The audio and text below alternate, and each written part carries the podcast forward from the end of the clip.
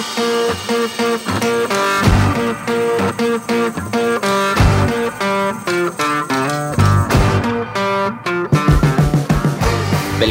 til bakrommet. I dag skal vi snakke om Bayern Leverkusen, Bayer Leverkusen og eh, Sabi Alonso. Og dette har vi gleda oss til en, eh, en, stund, gutter. Gjør vi ikke det, Marius? Borti forblåste Trondheim. Ja, jeg sitter her og ser utover uh, stormen Ingunn og gleder meg, gleder meg over at det skal varme litt mer med praten i dag. Hva med deg, Anders? Du er klar? Jeg er klar, vet du. Jeg må informere alle om at det er strålende vær på Sørlandet nå. Så jeg føler virkelig synd på deg, Marius, så jeg gjør det. Ja, men nå er alt sånn som det skal være. Ja. Verden er i balanse igjen. Endelig. Og I dag skal vi prate om eh, Bayer Leverkosen, altså. 19 kamper i Bundesliga, 15 seire, 4 uavgjort, ingen tap. Eh, og de vant alle kampene i Europaligaen også, så det er vel det er vel eneste lag i Europa som er ubeseira. Eh, det er en grunn til at de, noen kaller dem for Neverkosen, og det er jo fordi de aldri har vunnet Bundesliga. De har hele fem ganger kommet på andreplass, senest i 2010-2011-sesongen. Så er dette året, gutter? Om det er noe år som det skal være, så må det vel være i år? Ja, det ser jo kanskje litt ut som det, det kan være i år, altså, men uh, Bayern de kommer jo og ødelegger festen eh, gang etter gang. Da. Jeg syns jo fortsatt synd på Terzic og Dortmund etter fjoråret, og ble jo nesten litt eh, lei meg når det skjedde. Så um, jeg håper jo egentlig det i år. Det unner jeg faktisk ikke Harry Kane, altså, at det blir i år han Det eneste året Bayern ikke vinner, så, så er det det året han tar et år i Tyskland. Stakkars gutt. Så uansett synd på noen, da. uansett synd i noen. Ja, ja. Uh, jo, nei, altså Grunnen til at det er litt sånn ekstra aktuelt med Leverkosen nå Vi hadde jo, vi hadde planlagt å ha en episode, en hel egen episode om Leverkosen og Sabi Alonso uansett, men da Klopp eh, informerte verden om at han gir seg som Liverpool-sjef etter sesongen, så er det jo uh, godt under to i odds på at Sabi Alonso er den som blir uh, nestemann på Anfield, og da er jo dette et perfekt tidspunkt for å snakke litt om hvordan Leverkosen spiller, for å gi et lite smakeblikk til, eh, også til Liverpool-sportere om hvordan det kan bli i fremtiden. Det er jo en Smakeblikk der, altså. Smakeblikk, det er nytt ord. Smakeblikk. Ja, det, ja, altså det, det, er jo smakelyd, egentlig, for det er en podkast, det er ikke en video.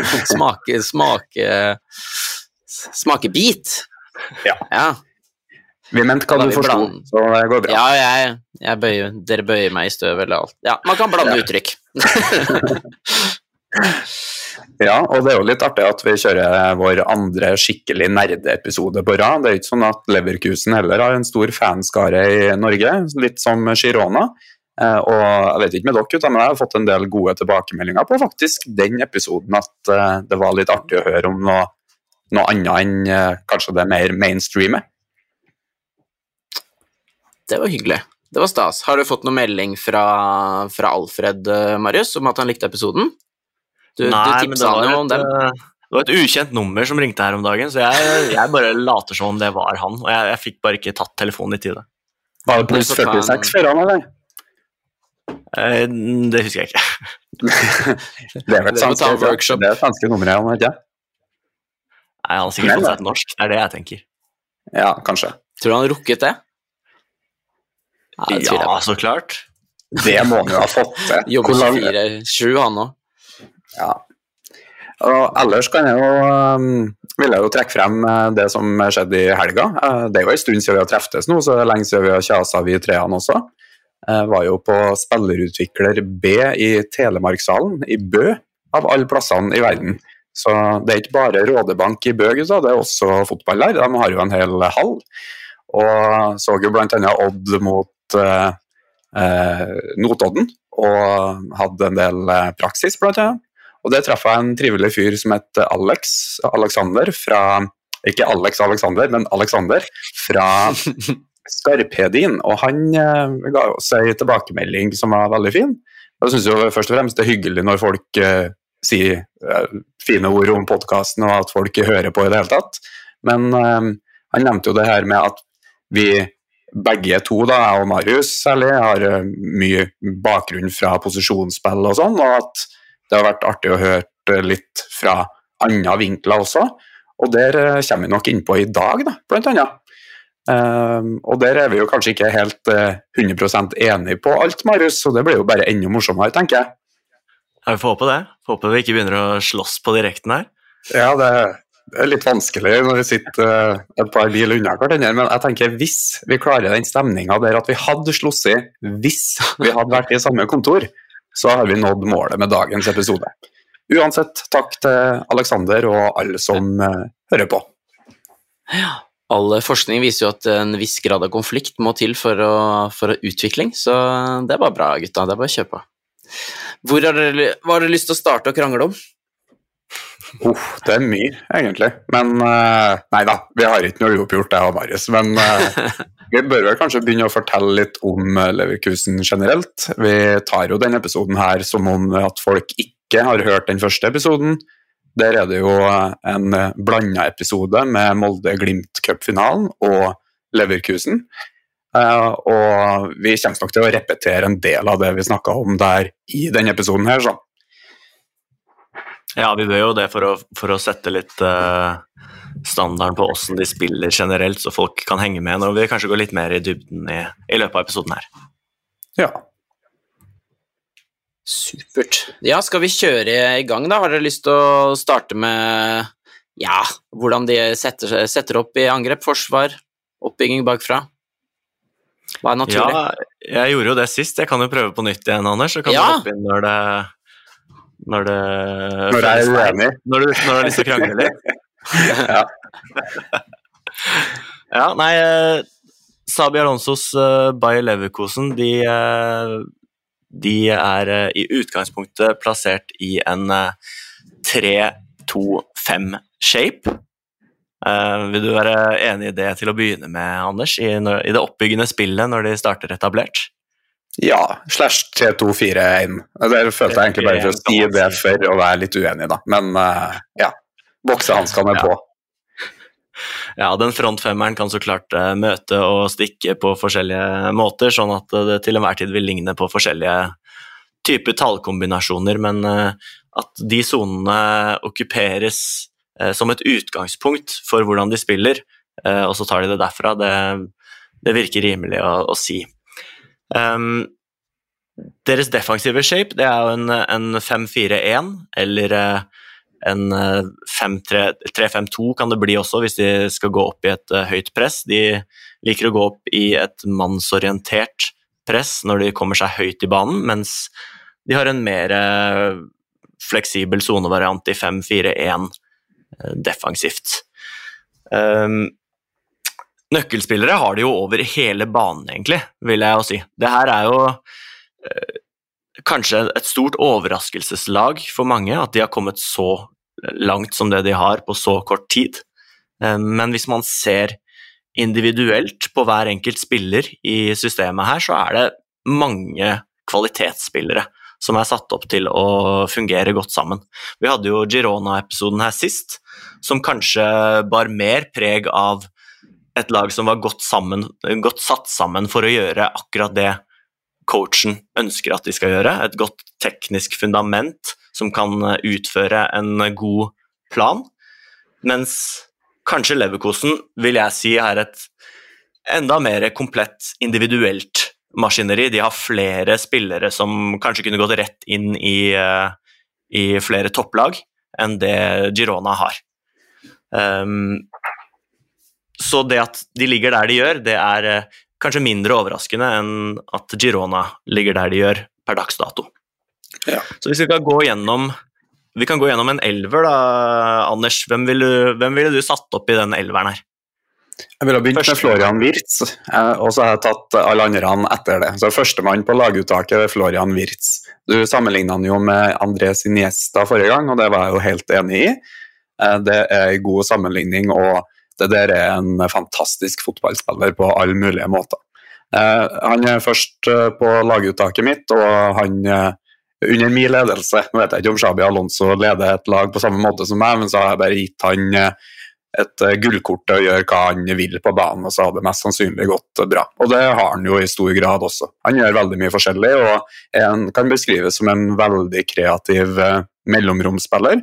Uh, flink til å slå frem stikkere, kombinere seg frem, drible frem, skape ting. Og ja, best i klassen der, vil jeg jo si, på veldig mange måter. så han eh, førsten. Og så er jo Granit Sjaka en uh, kjent og kjær uh, person for veldig mange. Eh, spiller sentral altså som en av to sittende midtbanespillere eller seksere. Og en annen kjent og kjær figur er jo Victor Boniface på topp.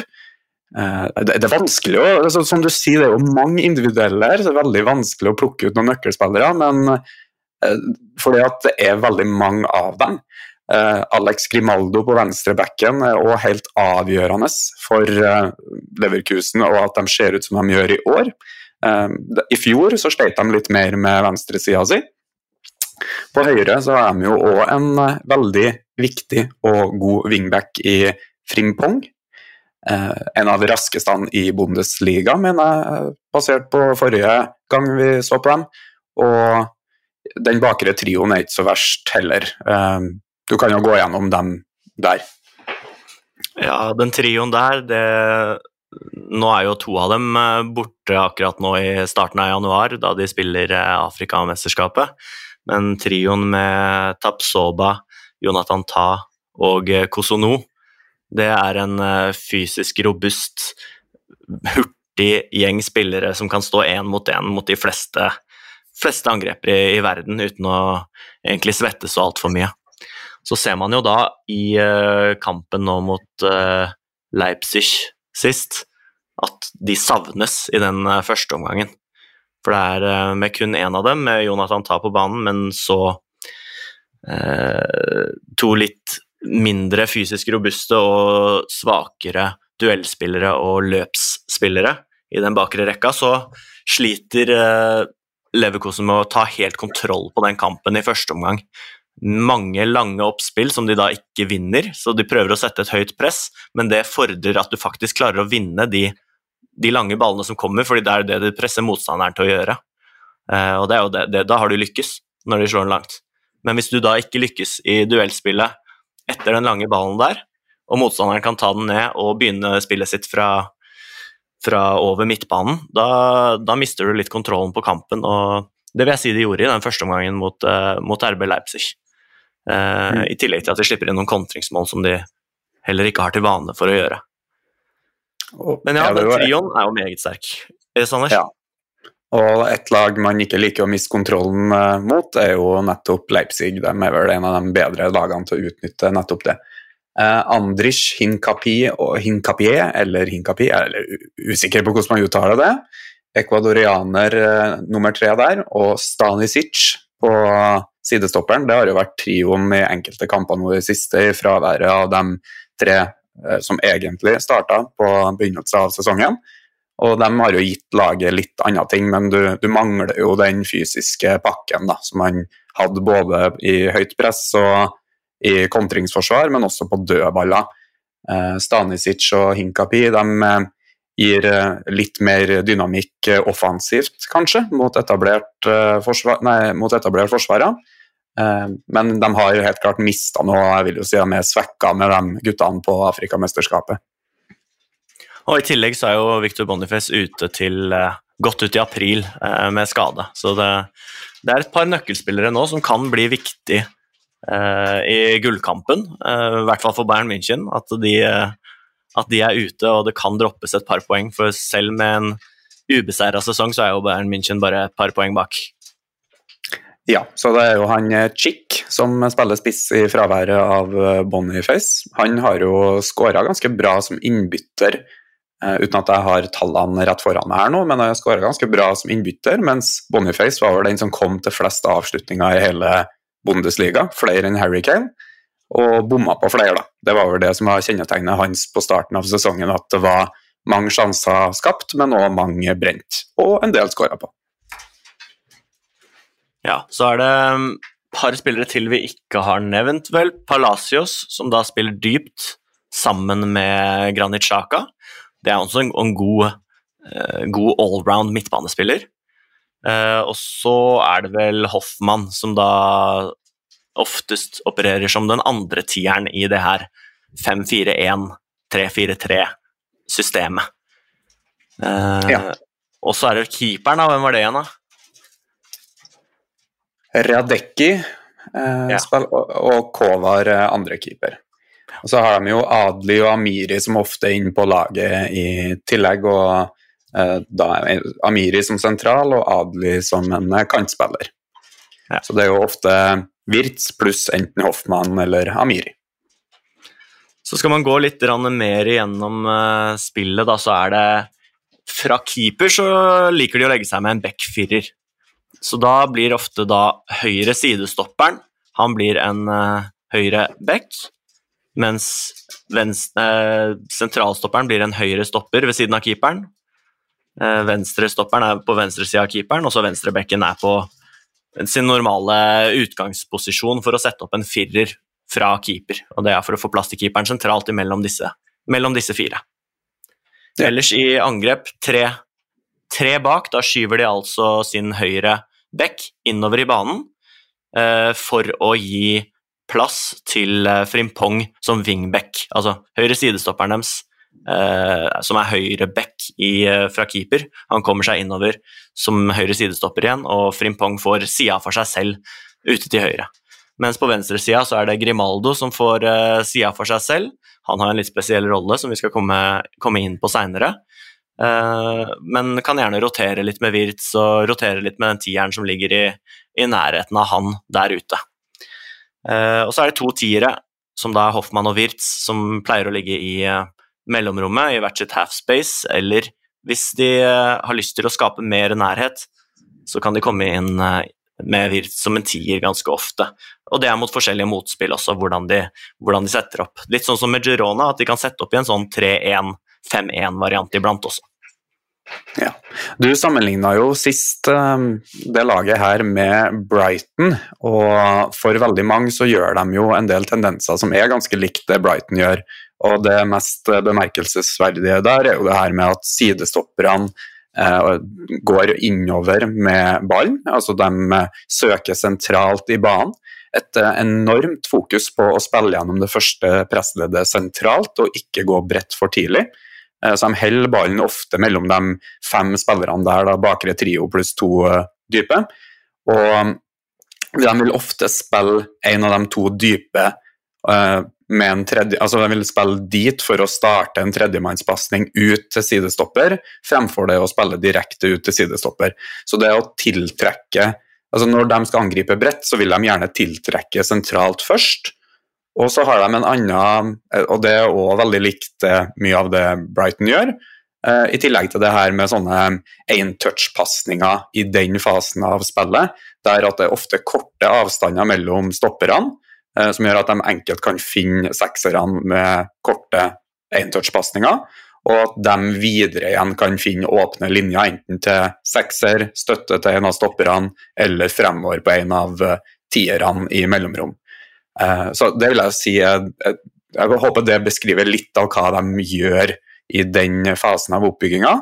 Eh, Og du snakka litt om det sist òg, med at de er veldig flinke til å finne åpne linjer. Om de ikke hele tida klarer å lage en ledig, helt fri spiller som kan vende opp, så gir de ballføreren pasningsalternativer nok til at man hele tida har noen å sentre kort og tidlig til. Og Og det her, det- ja, Absolutt, det. og det her hjelper jo veldig av at de spiller med en så smal eh, bakre trio. En, en god gammeldags backtrio med, med sidestoppere som eh, nesten kysser linja. Da blir de vinklene og avstandene inn til de sentrale veldig lang, så på den tida ballen bruker på å komme seg inn dit, så er neste linje allerede stengt. Eh, så det at de står ganske tett med alle de eh, Hvor mange spillere blir det? I hvert fall en sju spillere sentralt. Det hjelper til at du klarer å lese hvor den neste pasningen skal være åpen eh, oftere. Og det, det er jo noe både Brighton og Leverkosen da bruker veldig effektivt. Dette med å være obs på hvor pasningen til slutt skal ende opp. Ikke bare tenke én pasning frem, men tenke to til tre trekk frem i tid, og hvordan vi kan både åpne linjene dit og hvor ballen må reise for å komme seg til endedestinasjonen. Og her syns jeg jo han eh, Hva var han het han, han som hoppa inn for å ta her på midtstopperen? Eh. Andrich.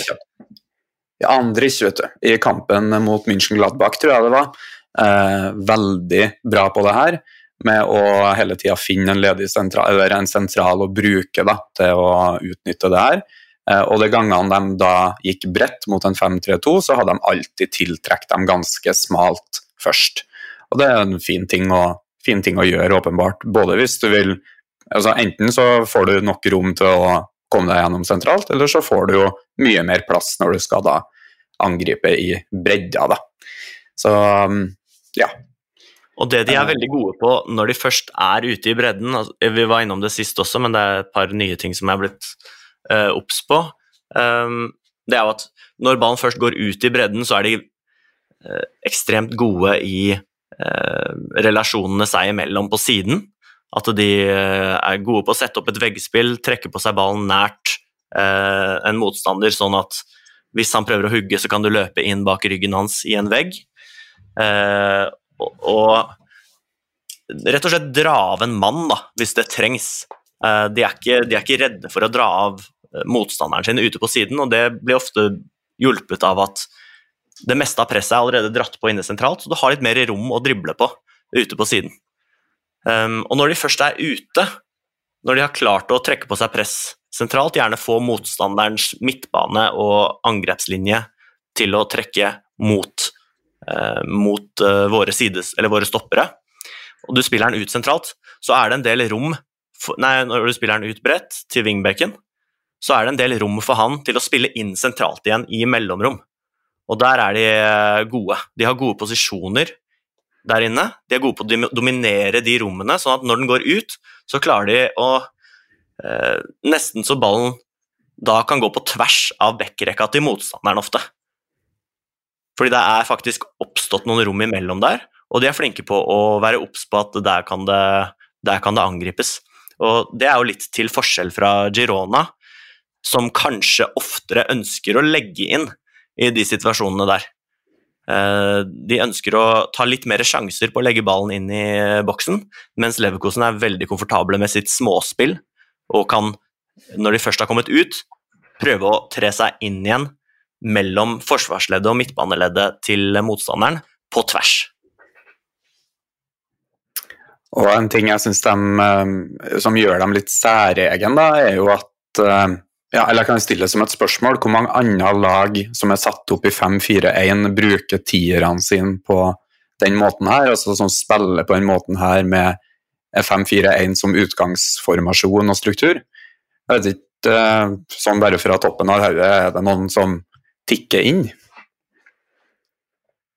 Mm, Tromsø i 5-3-2, kanskje, da, men uh... Ja, men det er jo fortsatt det er jo ny Jeg kan jo ikke svare på spørsmålet med å stille andre premisser.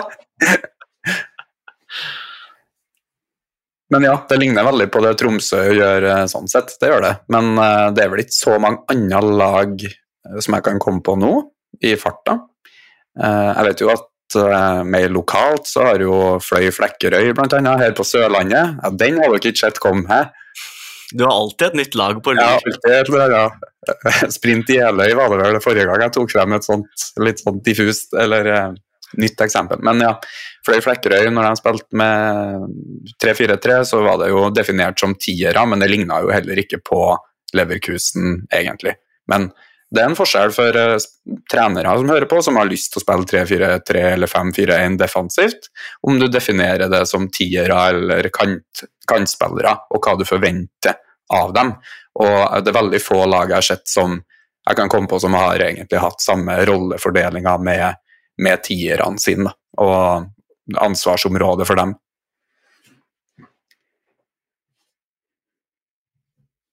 Nei, Ås Ås i sjette divisjon, Dagfinn. Var det, var det, var det Nei, sånn det så Ås 2 i, Ås 2 i sjette divisjon. Nei, det var, eh, var, ikke helt sånn. Det var uh, stram 4-4-2 defensivt. Uh, det var å tette, tette igjen bakover og så vinne alle kampene. Det funka. Omtrent. Omtrent. Uh, nei, det er ikke, så, det er ikke så, vært så mye som ligner på det her lokalt. Jeg har nå spilt 3-5-2 en gang, jeg, da. Det er liksom det nærmeste, men det var egentlig mer enn 3-5-1-1, da. Med en sånn tier og en bakromspiss. Men ja, nei, det er eh, ti, ti år tilbake. Pa- Paco sitt Odd er vel også kanskje et relevant eh, eksempel. Ja, faktisk. Det ligner jo litt på det, egentlig. Så, men men det, jeg vil fortsatt eh, påstå at Leverkusen er ganske unik på veldig mange måter. Men uansett, poenget var å få frem at det er en forskjell på om du har kanter eller tiere i en 3-4-3-struktur. Altså. Det er det. Rosenborg kaller jo de tiere, sånn som Ja. de bygger opp. Nye Rosenborg, da. Så får vi se hvordan det utvikler seg etter hvert. Har han lov til å kalle dem tiere? Han jeg har hørt på trening, kaller det to seksere og to tiere i etablerte angrep. Ikke si det høyt, da, Dagfinn. Det er en indreløper. Nei, Indre løper. Nei da, men uh, det må de tåle. Indreløpere. Indreløpere. Det, det verste var at jeg skulle prøve å snakke svensk der, og ble bare Stavanger. Det var, det var sørlandsk du dro opp av hatten der. Ja, det var veldig dårlig. Skulle tro at jeg har litt svensk blod i meg, altså. Skulle ikke det. Jeg kan havne hvor som helst og høre på dialekter. Altså, jeg skulle være julenisse i år, og jeg var innom tre-fire forskjellige fylker, altså.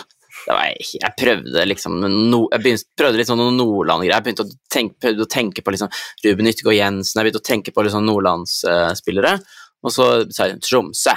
Og så, så plutselig så var jeg bare et helt annet sted, så det var jo Ja, Sånn kan det gå. du, jeg tipper du er den eneste personen i verden som tenker på Ruben Yttergård Jensen når du skal være julenisse. Altså, jeg så deg. bare for meg Hæ? Jeg syns det er helt normalt, jeg. ja, Han er nordlending. Ja, ja. Mm. Ja, Kari Bremnes kunne jeg tenkt på, liksom, men jeg, ikke, jeg kjenner ikke hun så godt som Ruben. Ikke at jeg kjenner han, men du vet. nei, jeg vet ikke. Nei, du vet. Nei. Ja, ja. Ja. For meg. Ja. Men du, én en ting jeg kom, jeg kom på ja, ja, men vi fikk beskjed om å ha litt fjas, skjønner du, Ja, Marius. det, er, det er sant. Det er er derfor jeg lot det gå såpass lenge her. oh, ok, men noe seriøst, da. For dere, dere snakka om i stad, var bare at jeg huska et klipp som jeg så, jeg tror det var Frimpong og Hoffmann, der begge på en måte møter litt. Og så spiller bare Frimpong til han, uh, Hoffmann, og så stikker han av gårde, og så inn bak uh, bekken, og så er han bare verdens raskeste mann. Så litt Ja, det er en sånn type, type relasjon langs sida som eh, eh, Som eh, vi nevnte i stad, at, at de er veldig bra på. At de kan skape seg Mm. fordeler. De er flinke til å skape seg fordeler én mot én og to mot to. Og flere mot flere, men, men i første omgang det. Og apropos klipp, når du nevnte klipp, så kom jeg på noe. Jeg har jo delt et lite sånn forberedelsesklipp til denne episoden, her, en liten teaser som eh, sikrer at vi får i hvert fall 10 000 lyttere, tipper jeg. Eh, hvis du ser det angrepet, og etter de har vunnet ballen på vingen der og sendt det inn fra vingen første gang, så er ballen aldri utafor halfspace i det hele tatt, gjennom hele oppbygginga til de har skåra målet. Og det sier jo litt om hvor eh, sentralt fokusert det angrepsspillet deres er. da. Eh, og det er en fin ting å gjøre hvis man ikke bare vil høre på oss eh, kjase og fjase om Leverkusen, men også se litt konkrete eksempler. Og hvis du vil ha lag som kan, eh, som kan gjøre det her, så er jo det første du må få til, er at spillerne er komfortable med å ha ballen med motstandere tett på seg. For det, det, det er jo Leverkusen Leverkosen meget bra på, i hvert fall Wirtz og flere av gjengen der. De, de tør for det første å spille ballen til en spiller som er halvfri. Altså han er ikke, Motstanderen er et par meter unna, men han er fortsatt ikke fullt markert. Uh, mens andre ønsker kanskje å spille ballen til helt fri spillere før de tør å spille. Uh, men uh, Leverkosen utnytter seg av at de kan spille de pasningene der til en spiller som har en motstander to meter unna seg. Og så kan han vurdere, når du er halvfri, og vurdere om du skal faktisk motta ballen først, få på deg enda mer press. Kanskje det åpner en linje til en annen spiller som ikke du nødvendigvis trenger å benytte deg av, men som nestemann kan benytte seg av. Eh, eller om du til og med kan motta den der, få motstand til å hugge, noe, noe Witz driver med ofte. Stoppe ball, få motstanderen til å hugge, spille til en annen sentralt plassert medspiller og bare stikke bak ryggen på, på motstanderen din. Det å utnytte seg så av sånne ørsmå fordeler sentralt, det er eh, Leverkosen eh, høyt, høyt rangert på i verden, vil jeg tro. Og hvis du skulle ha lært en gjeng med 12-13-årige gutter eller jenter det, så ville jeg jo kanskje ha sett futsal, eller hva, Marius?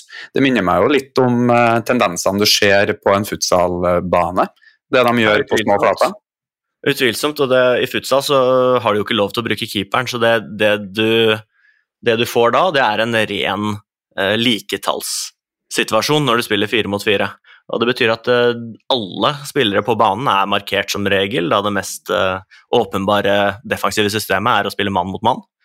Så enhver spiller er markert, bare til forskjellige varierende grader. Og Det er derfor den halvmarkert uh, situasjonen er så viktig å klare å utnytte seg av, fordi du er aldri fri i futsal. Så du må klare å motta ballen med tett press, gjerne også kunne true med å vende opp, true med å kunne sette fart mot motstanderen, i hvert fall få kroppen din vendt sånn at han føler en trussel mot seg. Eh, eventuelt ha kroppen din feilvendt med vilje for at han skal hogge på deg, og så kan du spille vegg med nestemann som kommer for å hjelpe til. Men det er mange sånne små verktøy da, som du kan bruke fra futsalen for å passere folk i liketallssituasjoner. Eh, og det, det, vil jeg jo si at de, de bruker godt i eh, Leverkosen. Ja. Vi har jo snakka litt om litt mer generelle ting eh, i spillet deres i forrige episode som vi kan være innpå. Det her med sjanseskaping, annet. For nå har vi snakka en del om oppbygging, vi har snakka en del om høyt press. Eh, litt hva de gjør og sånt. Og ofte i du sa 3-5-2, men ofte også i 4-4-2-strukturer. Eh, de er gode i høyt press, men det er ingenting som er særlig nytt eller revolusjonerende der. Det du kan lære eller legge merke til, er hvordan de fullfører presset veldig fleksibelt opp på keeper, eh, med enten den som har pressa ballføreren som sentrer til keeper, eller til en bedre posisjonert en. Så de er ganske flinke til å stenge eh, spillvendinga med å bruke den motsatte kanten på en god måte. Enten til å presse stopper eller å presse inn på sentral, hvis de allerede velger side tidlig i oppbygginga. Men igjen, det er ingenting revolusjonerende og noe vi skal bruke flere timer på.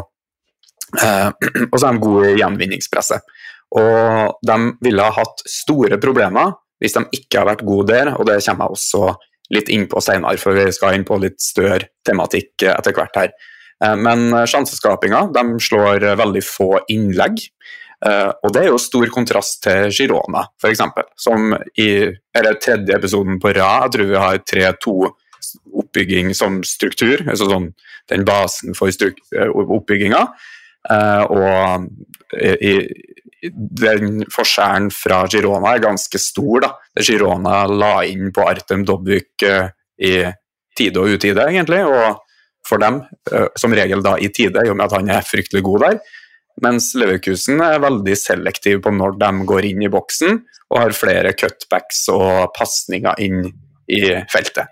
Og for et nytt lokalt eksempel så kan vi ta en shout-out til Arendal under Risholt og Urdal de siste par sesongene, som også angrep boksen på samme måte. Veldig få innlegg, men veldig mye tålmodig på siste tredjedel, og eh, der de da klarer å eh, heller spille seg inn. Og igjen, Tålmodig er et nøytralt begrep. Det er ikke bra for alle å angripe på den måten, men det kan være det hvis du er god på det. Og Florian Wirtz eh, hjelper jo deg hvis du skal angripe på den måten her. Ja, Det kan i hvert fall være lurt å være tålmodig hvis uh, du ikke har så mange spillere i boksen automatisk eh, plassert, eller du ikke har planer om å hele tiden ha en haug med spillere i boksen, noe ja. Girona til motsetning har. De har gjerne litt flere spillere dedikert til siste fase av angrepet, og dermed er litt mer det gir litt mer mening da, å være mer utålmodig i innleggssituasjoner, mens i systemet til, til Leverkosen så gir det mye mer mening å være tålmodig. Og det å være tålmodig på siste tredjedel, det er en kunst, altså. Det er ikke, det er ikke enkelt. Det er så mange spillere som tar 50-50 eller 30-70 eh, sjanser uh, og ødelegger flyten eller neste mulighet som kunne kommet på andre siden av banen. Eh, på siste tredjedel bare fordi du begynner å nærme deg boksen. Um, så det, det, det, å lære spillere til å faktisk spille på siste tredjedel som om det er på resten av banen, det er vanskelig. Ja, kjempevanskelig. Det går, det går jo litt imot den gamle som man hører, avslutt angrepet. Mm. Prøv å få avslutt angrepet, i hvert fall. Det er en klassiker. Uh, ja, man ser det jo aller helst fra Men det er jo fra, fra corneren, når ballen spretter ut, så er det en eller annen bekk som uh, kommer fram fra midten, 40 meter, bare kliner den ballen ut til helsike, og så blir det utspark. Skal ikke ha den kontringa imot. Men det, det er jo noe annet, da. En annen situasjon. Men uh, det er jo laget Eliteserien Tromsø også, syns jeg slår ikke masse innlegg i hytt og gevær. De vil gjerne bruke, bruke litt tid. Og, og statsa har jeg jo titta på, det er jo sånn som dere sier at uh, Bayern ligger litt under snitt på antall innlegg, men det betyr jo egentlig at de ligger langt under snittet, fordi de har jo veldig mange De har ballen mye og ballen høyt i banen ofte, så de har ofte mulighet til å slå innlegg, men velger å ikke gjøre det. Derimot så har de jo flest pasninger på siste tredjedel, og, og nest flest pasninger inn i 16-meteren, og det er de og Bayern er liksom en ganske egen klasse på, på dette her, så det er også interessant å se på på hvordan type pasninger statistisk sett de slår, så er de de slår flest kortest uh, pasninger og mellomlange pasninger i ligaen, og så ligger de veldig langt nede på lange pasninger, men de lange pasningene de slår, de er det veldig høy presisjon på. Det er det statistikken viser, og jeg gjorde en liten sammenligning med Titta litt på Liverpool, da, for det er jo litt relevant sikkert for Med tanke på at det kan hende at han drar dit, han er i hvert fall aktuell, at Liverpool ligger jo tredje øverst på antall lange pasninger, og de, det er også forskjeller der i presspillet når man uh, tall, tallmessig fra statistikk òg, det er en del skillenader mellom måten de spiller på, som er ganske interessant, som jeg tenker at uh, vi tar det opp når dere føler det er passe, men jeg har lyst til å dra en liten sammenligning på differ, hva er forskjellene mellom lagene, og uh, litt hvor stor endring det eventuelt vil være å gå fra måten de spiller på nå, til det som Alonso gjør i Leverkosen. Men det kan vi spare litt etterpå når dere føler at dere har dekt uh, de andre tingene. Ja, når, når vi nevner langpasninger, da, så var vel ikke Sabi Alonso var vel ikke fremmed for å fyre kanon, kanon uh, ut mot siderom selv. Han, kunne, han kunne vende spillet, han kunne vende spillet, ja. Fytti katta. Jeg ser for meg han er en sånn type trener som da går på trening, og så sier han at uh, ja, vi skal bare ha korte pasninger. Og så er han med i spilldelen sjøl, og så er det bare langpasninger hver gang han får den. en sånn trener har jeg hatt faktisk en gang. Eh, I Koffa, jeg spilte på A-laget der eh, når vi var i mye lavere divisjoner enn det, enn det Koffa har fått til nå. Så var det en uh, ordentlig Tiki Taka-coach der som het Ståle Andersen. Var veldig Barcelona-inspirert, dro til Barcelona, hadde omtrent sesongkort der borte og fulgte med på Tiki Takaens revolusjon. Og det tok han med tilbake da, til, til Koffa. Altså, det var jo rondos, og det var, det var tidlig på rondosene i, i, Koffa, for å si det sånn. Og du skulle holde på ball, og du skulle ikke ta noen sjanse på å spille gjennom hvis du ikke var sikker. Men du kunne banne på, han var, jo, han var jo fortsatt i form. Han var jo fortsatt en god spiller, han spilte i Vålerenga i sin tid. Så du kan banne på at hver gang han fikk den til slutt, da da skulle den chippes inn i, inn i bakrommet på, på, løpet til de raske kantene. Det, men det, det, er jo litt sånn det er, da. Det er den riktige spilleren som må ta de, de sjansene der. Du må jo Du vil jo ikke at feil spiller skal begynne å tre igjennom når du veit at det ikke går. Det, det var akkurat det du sa i det var det du sa i forrige Rosenborg-episode med Ole Selnes. Det var akkurat det her, at de andre slår de enkle pasningene og får han inn i en veldig god situasjon, og så er det han som tar gjennombruddspasningen. Det er jo en måte å spille på Altså, leter etter fordeler. Det er jo en, en fordel ved at du får satt en spiller i det, en posisjon der han kan bruke sine beste ferdigheter. Men er det sånn at du sier til Stjørdals Blink-spillerne Marius, at du skal ikke spille gjennom, for du er feil spiller? Den, ja. I, i det må du ta opp. det vil jeg gjerne se. oh. Nei da, jeg, jeg, men jeg prøver å gi dem litt sånne regler på at du skal være, en, du skal være ganske sikker da, før du prøver å slå den, eh, den avgjørende pasningen. Men så varierer det jo veldig fra spiller til spiller hva som er 95% sikkerhet på å treffe. Det er klart at eh, det, det er stor forskjell på hva, hva, noen spillere klarer på 95 eh, sjanse, og noen andre klarer på 95% sjanse. Ja, og her er jo, altså sånn på seniornivå så er jo ofte sjølinnsikten ganske mye bedre enn på yngre, så, sånn at de spillerne som har nådd til et visst nivå, vet de ikke eh, skal holde på med sånne ting. De sentrer jo ballen til Tony Craasen på laget liksom, og lar det stå til. Selv om det det er ok ferdigheter på de fleste i Bayer Leverkusen, må sies, men eh, jeg ville fortsatt jeg bare skriver opp på taktikktavla, gi ballen til Florian, og så ser vi hva som skjer. Nei da. Så spiller vi den rundt, og så får han tilbake etterpå. Ja. Men uh, skal vi gå inn på det som jeg mener er den store tematikken her, og som vi var litt uh, uenige i, kanskje? Kjør. Ja, Kjør. kjør på.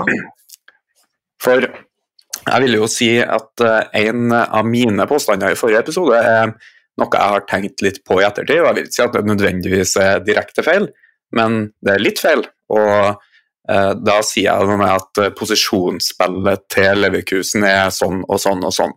Men jeg vil påpeke der at jeg mener eh, det er veldig mye i spillet til Bayer Leverkusen som heller mer mot sånn relasjonisme. For dem som har hengt med på den eh, debatten der, eller den eh, altså det, det emnene der på Twitter, blant annet. Relasjonisme er jo det Fluminense driver med, med at man er ikke så opptatt av strukturer nødvendigvis og posisjoner, men mer opptatt av involveringene nærmest ballen og, uh, at man, og, og involveringene med ballen uh, i tillegg. Da. Så I et klassisk posisjonsspill så handler jo det om at man uh, er i visse posisjoner og lar ballen komme til seg. I relasjonsspill, hvis man kan kalle det eller relasjonisme, så vil man heller komme til ballen og la det stå til litt der. Skal vi se, hører dere at det ringer nå? Det gjør vi. Det gjør dere. Men da skal jeg sette på der. Får vi kutta her, gjør vi ikke? Nei, men vi kjører på. Vi kjører på. Bra.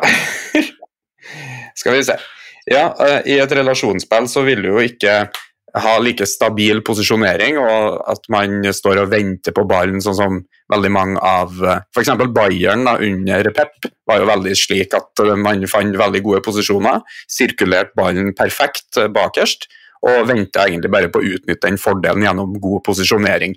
Eh, man skal òg eh, søke å skape fordeler, det er jo derfor man bruker ballen i det hele tatt i et relasjonsspill, men man vil gjøre det på andre måter enn at man uh, sirkulerer ballen til en ledig spiller. Man vil heller skape en ledig spiller gjennom kombinasjoner og driblinger og slikt. Og jeg mener at Leverkusen heller litt mer mot det, og har i hvert fall sterke dragninger mot relasjonsspill og relasjonisme. Om de ikke da er på et slags brytningspunkt mellom det. For det, det er litt av begge deler. og eh, Sånn som Florian Wirtz, han eh, finner jo gode posisjoner, men de er veldig lite stabile. Altså, det er jo ikke sånn at han hele tida er i det samme rommet. La oss si de spiller ut på høyresida, han spiller venstreving. Eh, han kan like ofte komme imot høyresida for å skape et alternativ der, og det gjør han veldig veldig ofte. Da. altså Kanskje det han gjør oftest. Men han kan også finne på å bare vente på venstresida og la dem sirkulere til han kommer dit. Eh, så han, han er en veldig sånn Det er litt mer ustabilt enn du typisk ser i sånne Guardiola-lag, der de har mer faste posisjoneringer gjennom en kamp eller i perioder av kampen. Her varierer det litt mer. Og det du kan se annet, er jo at Eh, ofte vil begge tierne til eh, Bayer Leverkusen være på samme side av banen. Det også vil begge sekserne. Så de tilter veldig mye mot ei side, eller de tilter veldig mye mot ballen. Uh, og det òg er litt sånn annerledes fra vanlig posisjonsspill, der du har mer likevekta struktur på begge sider av banen, og der at spillvending plutselig blir mye mer verdt. Mens der Bayer Leverkusen holder på, så vil spillvending ikke nødvendigvis være så mye verdt, men de har veldig gode forutsetninger for å kombinere seg gjennom, da, som de jo er ekstremt flinke på. Så um, da, da, fikk jeg på en måte innleda det, og så kan du si litt hvor, hvor, du er uenig, og hva du er enig i, Marius, på den der. Ja. Eh, av, det, av det det jeg er mest uh, uenig i, da, eller om, er jeg er jo ikke veldig uenig i det, jeg mener at, er at uh, de er gode på, på, det du sier, dette med relasjoner. Uh, samtidig så er jo det en viktig del av posisjonsspill i seg selv. Det er jo på en måte den, den fjerde fordelen der. du har jo kvalitativ, kvantitativ, posisjonell, og så har du en relasjonell fordel der hvor to spillere eller tre eller fire, eller hvem enn det, hvor mange enn det er, har bedre forståelse av situasjonen rundt ballen enn det, eh, det motstanderne dine har. Og at du på den måten har en fordel hvis du spiller ballen ut til eh, Messi og Alves, eh, f.eks. i Barcelona. Um, eller det blir jo feil fordi det er kvalitativ forskjell også, men uh, si to spillere som har veldig god forståelse for de samme situasjonene, da, og dermed kan vegge seg forbi. Utleira i futsal i Norge f.eks., som ikke nødvendigvis har uh, ekstreme individuelle spillere, men er veldig godt drilla i å forstå hva, hva, som må til for å passere motstandere to mot to og tre mot tre. Uh, og så er jo dette konsepter som da blir brukt mye i eh, Fluminense og sånne relasjonsspillslag. Eh, men jeg mener jo at de lagene de har mindre, eh, mindre faste holdepunkter i posisjoner på banen eller soner på banen enn det eh, Bayer Leverkosen har.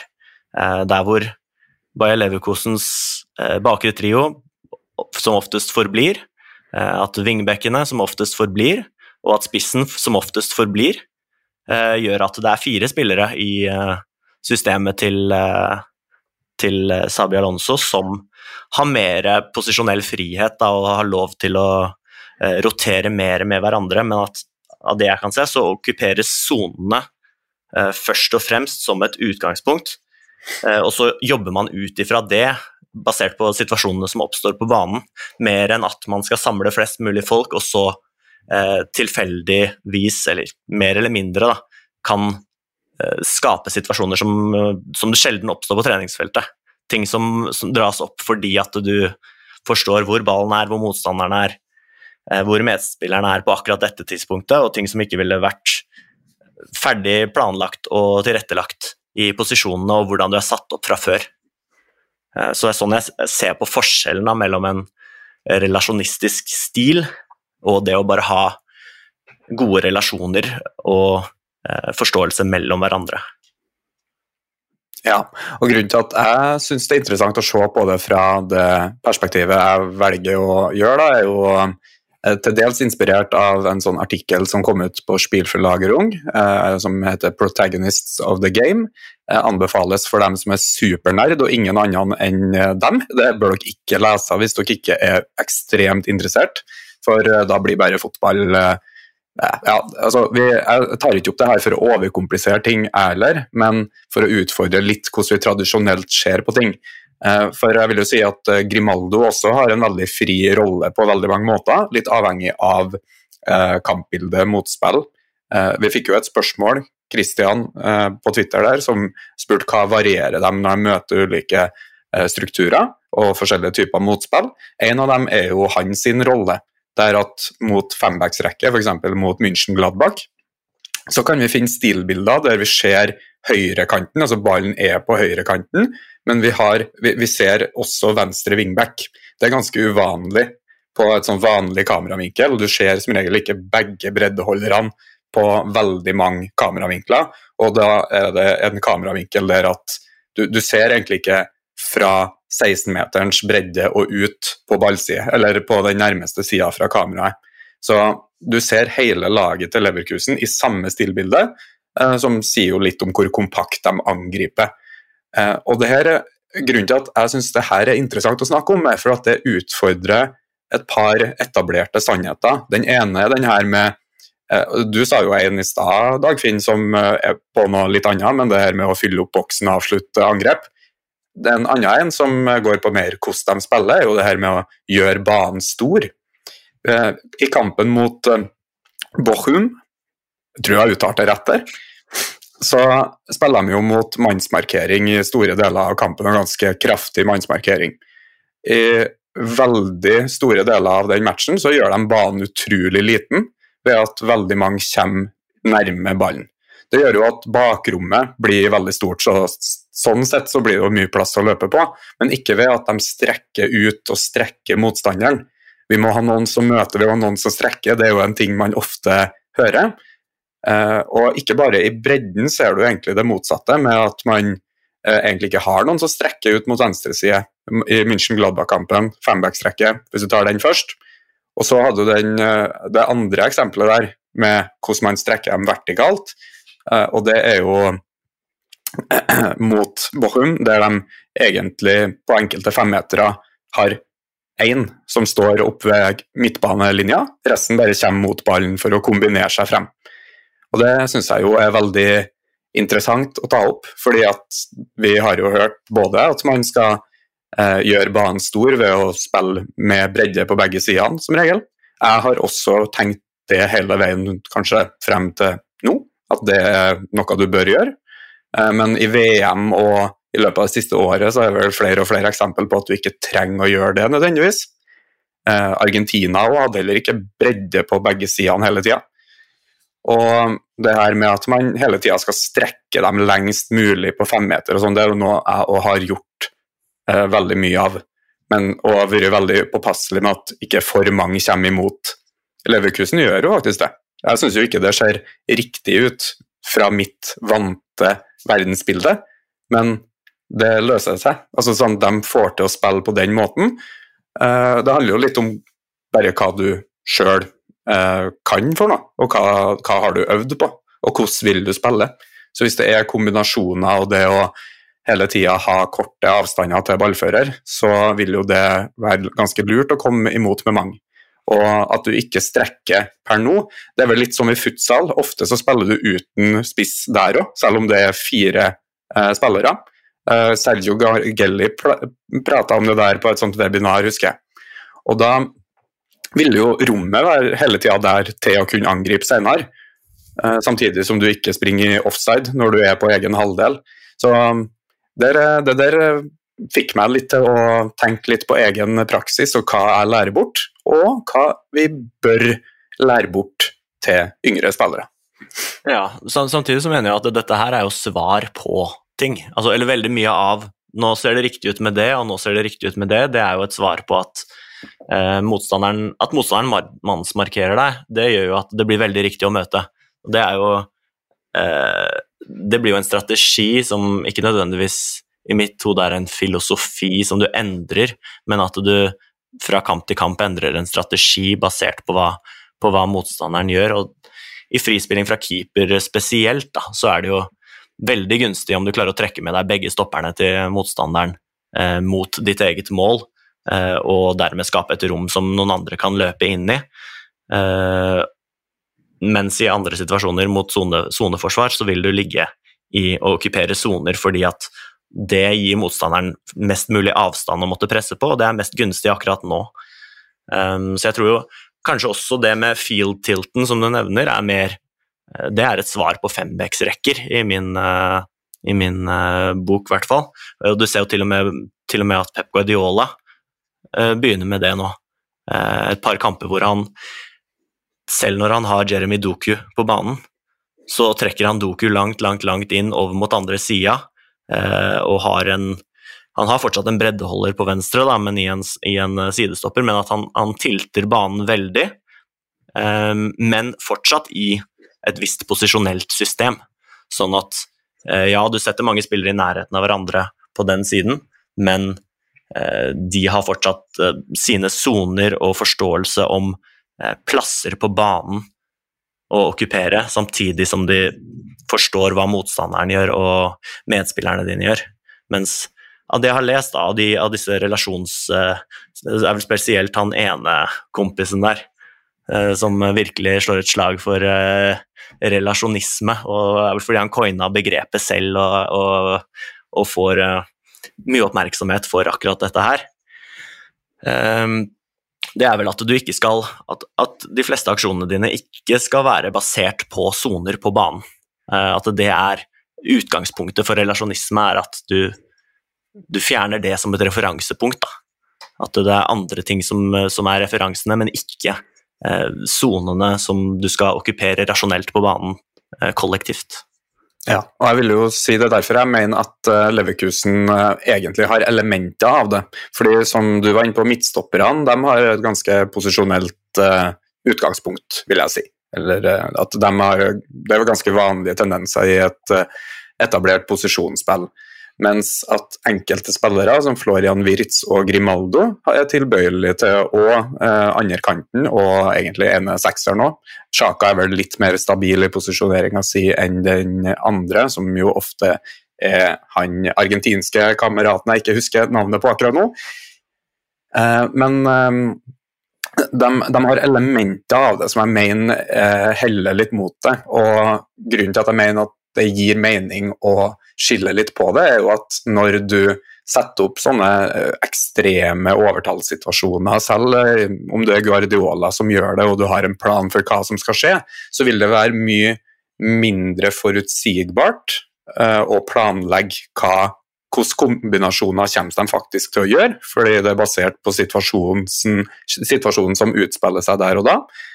Eh, samtidig som det er mer dynamisk og fleksibelt fra spillerne sitt perspektiv. Og de har flere ting de kan gjøre, i og med at de har flere kommunikasjonslinjer. De har flere medspillere å forholde seg til og kunne eh, bruke.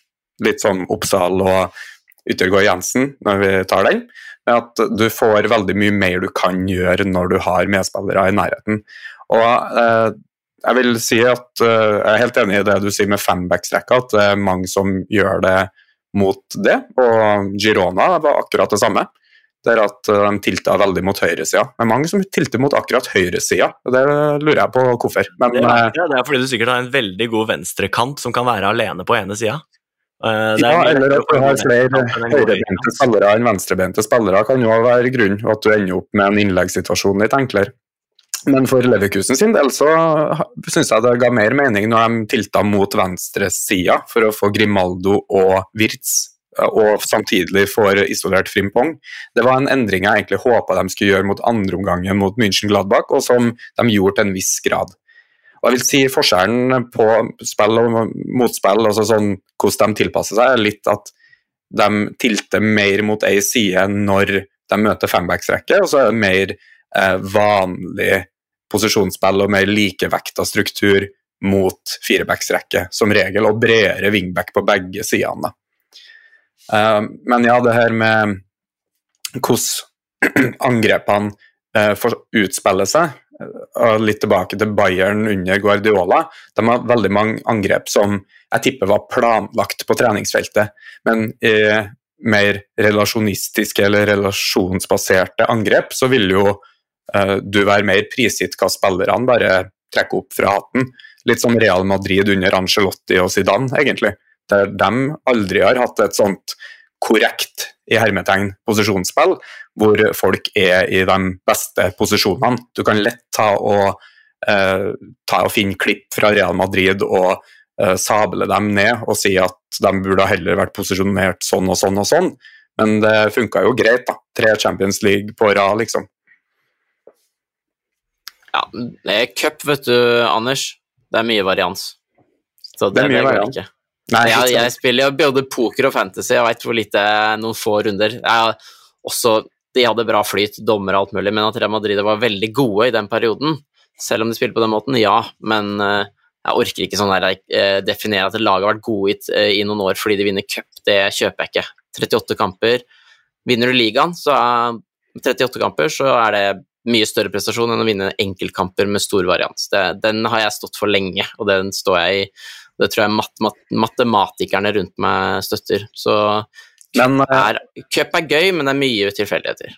Men Real Madrid har jo vunnet serien et par år òg, i samme tidsperiode, da, må jo sies. Så... Ja, etter Messi dro, så har det jo gått eh, bra. Og litt mot slutten der òg. Absolutt. Ja, det vil jeg si. Og Real Madrid har jo aldri hatt et vanlig posisjonsspill, egentlig. Det har de ikke. Eller, det har de ikke. På samme måte, aldri blitt trent av en sånn type trener heller.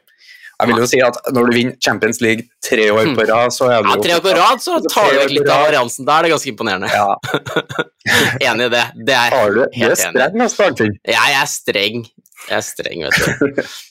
Men Dagfinn, kan ikke du ta oss og prøve å ta oss litt igjennom eh, Sabi Alonso og linken til Liverpool, da, og hva du, hva du tenker ja. med Ja, fordi nå er det mange Liverpool-sportere sikkert som, uh, som, hører på, som har hørt Liverpool-episoden vår som var tidligere, som gjerne må gå tilbake og høre hvis du ikke har hørt den. Den ble veldig bra. Um, er jo hvordan kan dette her bli i Liverpool, og er Altså hvilke klare endringer er det? Fordi eh, når man har hørt hva, hva Sabi Alonso sier, han vil gjerne ha mange korte pasninger for å komme seg fram, sånn at vi er i posisjon til å kunne gjenvinne. Klassisk sånn moderne måte å gjøre det på. Men så ser jeg jo Klopp de spiller igjen, det som vi snakka om, Embrace the Chaos. Spiller enda mer direkte, kanskje. Raskere framover tidligere.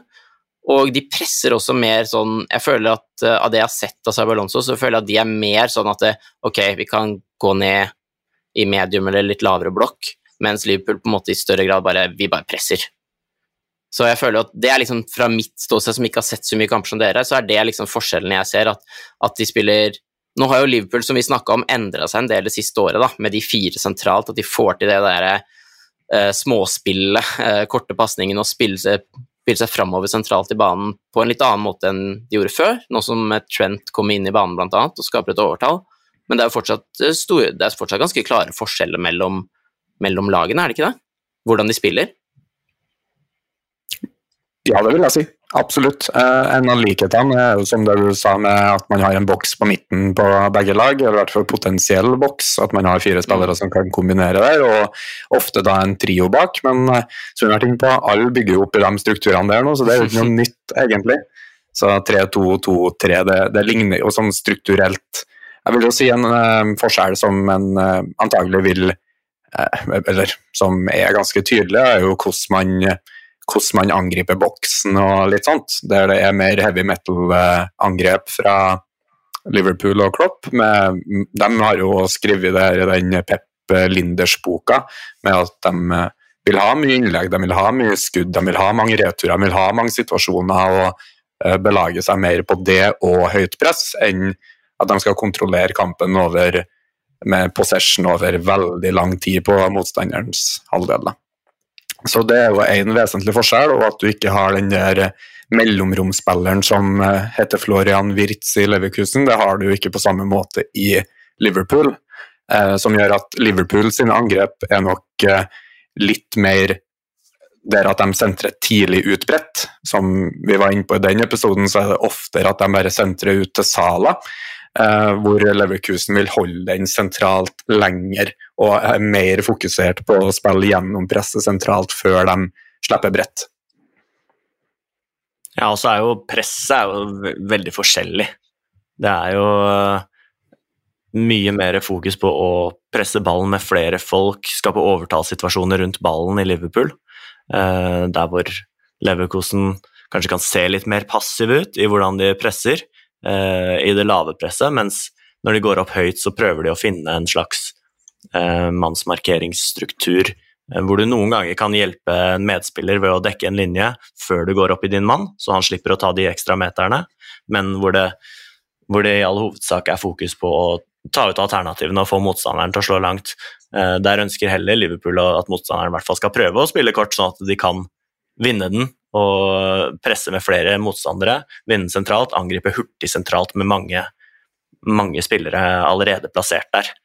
Eh, så den stilen å forsvare seg på er jo totalt forskjellig, selv om begge presser høyt.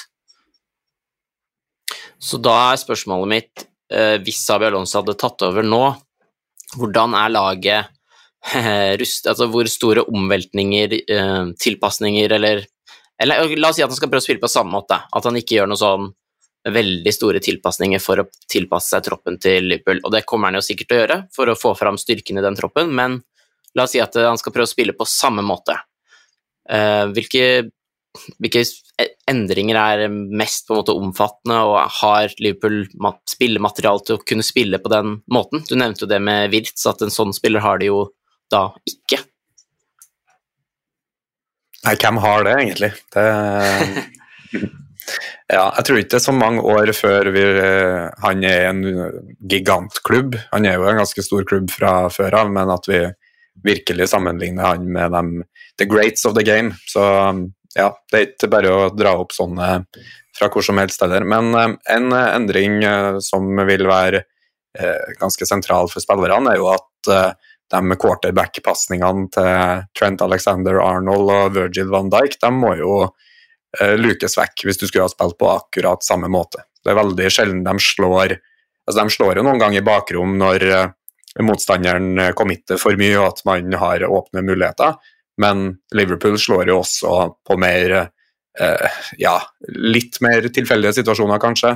Og eh, på situasjoner der de er helt avhengige av at eh, timing og pasning er nesten perfekt, og det har det jo ofte vært også. Mens Leverkusen eh, slår mer i situasjoner der rommet er så åpent at det skal litt til å bomme nesten på nivået der. Jeg tror jo at den største altså, det, Jeg tror ikke det vil være veldig vanskelig for han å omvelte Liverpool-spillerne til hans defensive system. Det tror jeg kan, eh, kan gjøres ganske hurtig. Du har gode én-mot-én-spillere bakerst som tilrettelegger for at du kan spille sånn som, eh, sånn som Sabi Alonso gjør. Uh, og så er det ikke ekstremt vanskelige oppgaver i, i presset. Det, det, ville nok vært vanskeligere for, for Leverkosen-laget å ta Klopp sine prinsipper fort. Det, det er ganske overbevist om at ville, både Wirtz og Hoffmann ville slitt med å ta, de, eh, ta det defensive der. Men ja. Det, det, interessante er jo at hvis Sabi Alonso skulle spilt clean likt med Liverpool, det ville han jo helt sikkert ikke. Han hadde, han hadde justert seg og endra på hvordan han uh, gjør ting, det er jeg nesten helt overbevist om. Um, men det er jo at troppen er jo ikke designa for å ha wingbacker uh, i Liverpool. Troppen er jo ikke designa for å ha um, for å spille med den type defensive system kombinert med det 3-2-5 uh, offensive systemet. Så jeg er ganske sikker på at han måtte endre på hvordan han ville hatt hvordan hvordan skulle, han skulle kommet seg inn i den 3-2-5-en. Ja, han ville sikkert klart å spille akkurat likt offensivt, men hvordan han skulle kommet seg inn i den, er en, en, en liten utfordring. Jeg tror jo han, Hvis du tenker litt sånn på hvordan han kunne ha gjort det, så ville jeg jo ha sagt at uh, han, eh, Trent Alexander Arnold ville jo hatt samme rolle som Grimaldo, ikke som Frimpong. Også at man heller spiller med kanskje en kantspiller på um, venstresida, som en venstre wingback, for de går jo ofte opp i 4-4-2 eh, Leverkusen også, for, uh, i press. Uh, så ja, Da måtte Salah inn i mellomrommet igjen fra, ja, fra høyresida si? Det, det, må han. Så eventuelt Louis Diaz, da. Og som tiere, Salah og Diego Jota kanskje? Litt usikker. Har vi noe bedre forslag? Hjelp meg hvis dere har det. Nei, Jota er bra forslag. Ja, han ville jo da være fin å få inn i boksen også. Gravenberch er jo en eh, kandidat der, kanskje. Ja, ja og så har du jo Endo McAllister uh, potensielt uh, sentralt der. Mm. Jeg vil jo tro kanskje det. Og da Gomez, Van Dijk og Konaté på stopperne. Da har du faktisk litt de samme kvalitetene som stopperne til Leverkusen også. Så jeg tror nok jeg ville ha helt mot noe sånt hvis jeg skulle ha bevart strukturen. Og Darwin Nunes på topp, da. Hvem er nå høyre-vingbekken din, eller? Jo, det var Arnold, men han tar samme rolle som uh, Bare at du har den på andre sida. Kan dere forklare litt mer om eh, den rollen til Grimaldo? Det er mulig at jeg eh, ikke husker akkurat når dere var innom det, men hva er det som er litt spesielt med den? For jeg husker dere snakka om, og jeg ser ja, Når dere har snakka, så har jeg formasjonen og laget foran meg, det er veldig fint, for da kan jeg lage noen fine bilder i hodet. Men da ser jeg jo liksom laget treeren bak, den vrir seg mot høyre, sånn at uh, Ta blir høyre stopper, og Tapsoba blir venstre stopper, og Koso, Kosono blir mer sånn høyreback-aktig, og Grimaldo venstreback-aktig. Men hva, hvordan slags rolle er det han har, og, og ja? Det er, jo først og fremst en wingback-rolle. At han, som, han, ligger som venstre breddeholder som det første utgangspunktet. Så det er ikke sånn at han uh, gjør som i Girona, hvor Miguel Gutierrez går inn og fra start uh, begynner som midtbanespiller. Uh, okay. Men han har jo en friere rolle der ute til å gå inn igjen. Eller hva, Anders? Okay. Ja, han, eh, jeg vil jo si at han er kanskje det største aksjonsrommet jeg har sett av en wingback noen gang. Der at han kan være litt eh, hvor som helst. Eh, han og Wirtz, når de spiller på samme side, eller når Boniface trekker ut mot samme side også, så vil de fleksibelt ta og bytte posisjoner. og Det er nesten aldri at det har to på venstresida som bare står på sidelinja over lengre tid. Da går han heller inn i mellomrom. Han har jo hatt innhopp eller eh, deler av kamper som sentral som sier litt om hvilken type han kanskje er. da. Utrolig ballsikker. Går, jo, går veldig sjelden i bakrom, egentlig, men vil ha den på fot. Og fantastisk i kombinasjonsspillet, og gjerne da med Florian Wirtz. Eh, god pasningsfot og eh, klarer jo både tre gjennom og kombinere seg gjennom, og det å legge inn både fra kort og lengre hold. Så han har jo utrolig bra stats både i Benfica og i Leverkusen, mener jeg bestemt å ha kontroll på. Så han, han, gjør litt forskjellig, og litt avhengig av kampbildet, litt avhengig av uh, motspill og litt avhengig av uh, hva medspillerne gjør, så vil du se at han både havner inn i uh, sentralt fremrom, han kan havne inn i mellomrom i halfspace på venstresida, og ja, han er veldig fleksibel, rett og slett. Og det morsomste å se på er jo når de får ballen ut på venstresida si i pressa situasjoner. Jeg tror eh, jeg har lagra en del klipp fra alle lagene vi har eh, sett, som dere jo vet. Og det er utrolig mange av dem som bare ser ut som situasjoner som aldri skal gå. da. Altså Leverkusen kommer seg aldri ut av det her, men de klarer å kombinere seg ut av det på en eller annen måte, og ofte er han involvert. da. Så relasjons... Eh, ikke relasjonskompetanse, men relasjonelle ferdighetene hans er jo helt fenomenale.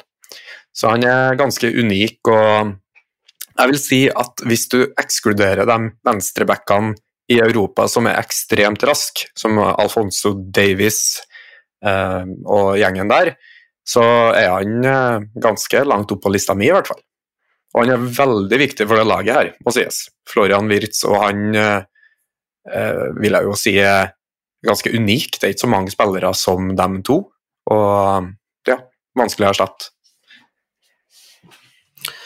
Ja, vi nærmer oss slutten. Det er jo veldig interessant. Han er jo oppvokst på La Masia, han Grimaldo. Fikk aldri sjansen i Barcelona sånn skikkelig, og så var han jo lenge i Benfica, husker jeg. Eh, det var ikke så lett å ta den venstre back-plassen i Det var vel kanskje da Alba holdt på, og der har du litt annen profil. Kjemperask, men ikke, ikke helt den samme typen. Så mm, han har vel Har han spilt noe på landslaget til Spania? Jeg kan ikke huske å ha sett han der inne i elveren der noe særlig.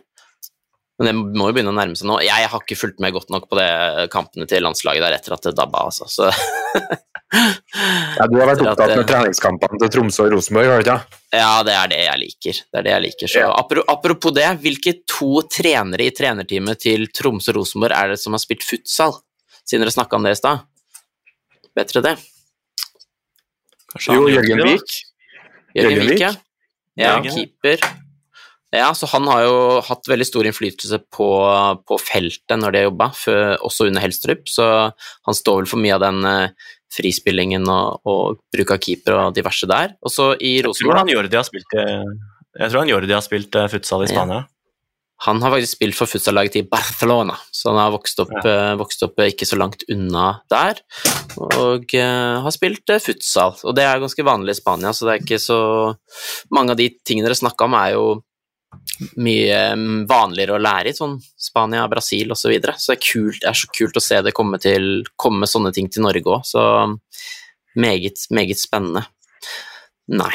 Da, da, altså jeg har kosa meg skikkelig og hørt på dere når dere har gått ordentlig inn i det dype faget her, og jeg anbefaler eh, Jeg syns det var veldig fint å ha liksom formasjonen oppe og ha sett, noen klipp, eh, sett litt klipp på forhånd og sånn, for det var veldig lett å både ha de hvordan laget spiller, men også se det for seg i hodet.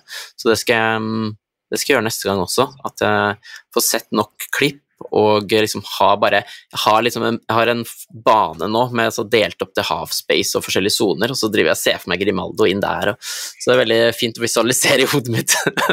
så det var veldig nyttig når dere snakka. Så kjempekult at dere var litt uenige, og jeg syns det var det, jeg, jeg synes nesten du hørtes litt irritert ut på det relasjonisme-begrepet, Marius. Du syns egentlig bare at det bare er bare å legge ned?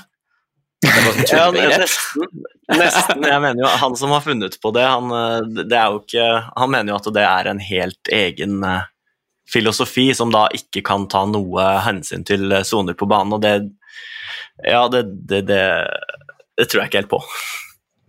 Jeg tror ikke helt at det er mulig å å egentlig få det til å funke uh, uten at du har en viss forståelse for uh, hvordan banen ser ut. Så at du fjerner et viktig element da, fra hvordan du skal legge en strategi. Ja. Så begynte jeg å tenke når du snakka om at det var veldig mye at, det, at det, folk beveget seg, men så var det jo som du sa i i episoden, så var jo bare uh, si til Vils, gjør det du vil, alle de andre gir ballen til han.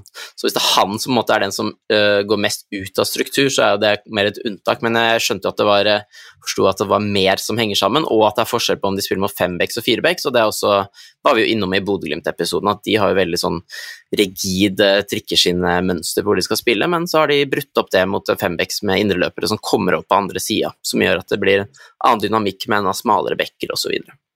så det er Ja, men morsomt Bodø-Glimt- Men, men Bodø-Glimt sine angrep selv mot fembacks eh, går mye raskere da, og er mye mer forutsigbar. Når jeg satt og så cupfinalen, så hadde jeg en tanke om hva, hvordan angrepet kom til å utspille seg.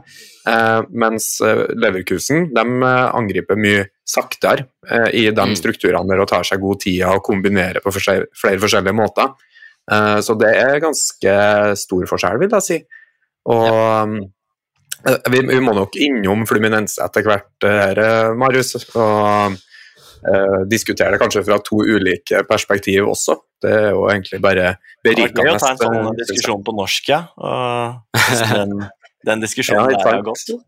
Ja. Jeg tror det blir en ting- ja. fin ja, jeg tror det blir fint for oss uh, å ha hatt en episode med Fluminense, og for å ha at vi alle, alle som har hørt, eh, vi andre og som ikke har sett så mye, har det referansen i bakhånd, for dere nevner det flere ganger, og da er det, så det er fint å få den, få den i, i bakrommet-banken, om jeg skal kalle det sånn. Bakrommet-banken, ja. Og en ting jeg glemte å si, eh, som eh, de, de gangene de setter opp overtall på én side av banen, en ting som er viktig der for andre lag som har lyst til å få til det på samme måte som Leverkusen, for de får ofte til å gjøre det De kan ha en, ja, altså sånn, eh, en periode med possession der de har gått fra å ha et overtall på ene sida og så over til den andre sida og egentlig prøve på akkurat det samme der. Men det er fordi at de sirkulerer veldig sakte i den bakre trioen pluss de to sentrale, og bruker veldig god tida der for å gi tierne sin tida til å komme over. Eh, så, det er mulig de gjør det generelt, og at det bare skjer, men det kan jo være en eh, strategi som de bevisst gjør, da, mener jeg. For noen ganger, de, hvis de spiller ut til wingbacken og de ikke rekker å skyve over, så er det plutselig en veldig dårlig situasjon, med mindre han er rettvendt og isolert. Så et viktig, viktig lite poeng som jeg hadde notert her, som jeg ikke har sagt. Men nå Nå er det på tide å runde. Ja. Da sier vi takk til alle som har hørt på, og eh, gjerne retweet, eller repost som det heter nå, og like, og eh, følg oss på der du hører Spotify, og gi rating, og hele sulamitten, det setter vi veldig, veldig stor pris på. Og så takk for at du lytter, og så er vi tilbake om eh, ikke altfor lenge. Takk for Hei da. Takk for oss.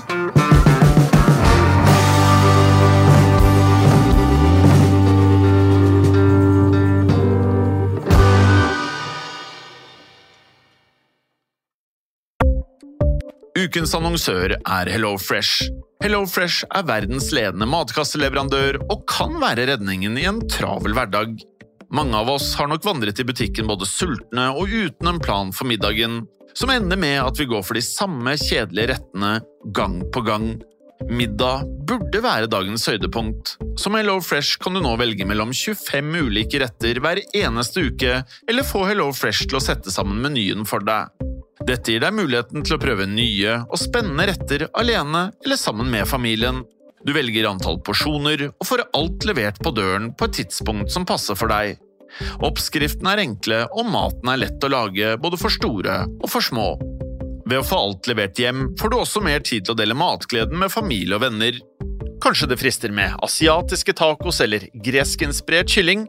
Da kan jeg anbefale deg om å gå inn på hellofresh.no. Her kan du bruke koden FOTBALL og få opptil 1779 kroner i rabatt på de første fem matkastene hvis du ikke har prøvd HelloFresh tidligere. Du kan også bruke rabatten hvis du har vært kunde og stoppet abonnementet ditt for tolv måneder siden eller lengre. Gå inn på hellofresh.no og bruk koden FOTBALL.